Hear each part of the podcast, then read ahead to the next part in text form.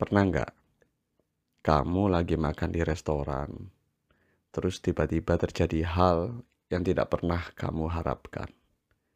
Misalnya, kamu lagi enak-enak makan di restoran, tiba-tiba kamu ingat pintu rumah belum ditutup.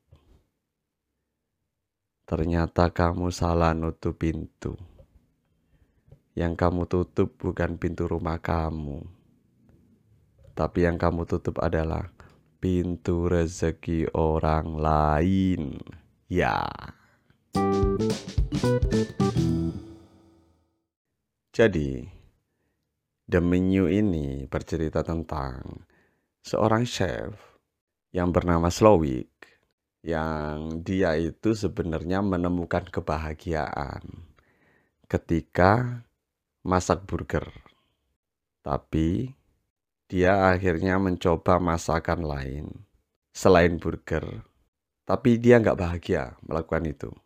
Tapi itu membuat dia terlihat lebih keren di hadapan banyak orang. Tapi nggak bahagia. Buat apa? Keren doang tapi nggak bahagia. Akhirnya dia kayak tertekan gitulah ya. Dan yang jadi korban adalah pelanggan restorannya sendiri. Jadi, pesan moral yang bisa kita ambil dari film The Menu ini adalah lakukanlah hal yang membuat kamu bahagia. Meskipun mungkin menurut banyak orang itu nggak keren sama sekali.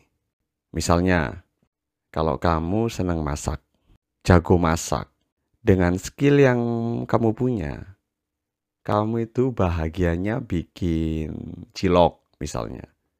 Gak apa-apa.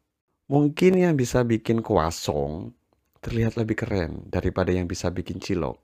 Tapi kalau keren doang dan gak bahagia buat apa? Bikin aja cilok yang paling enak. Gak usah maksa bikin kuasong.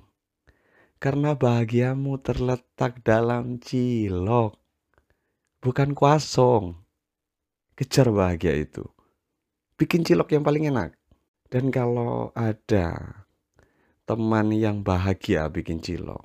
Terus mungkin karena ciloknya enak. Akhirnya dia jualan cilok.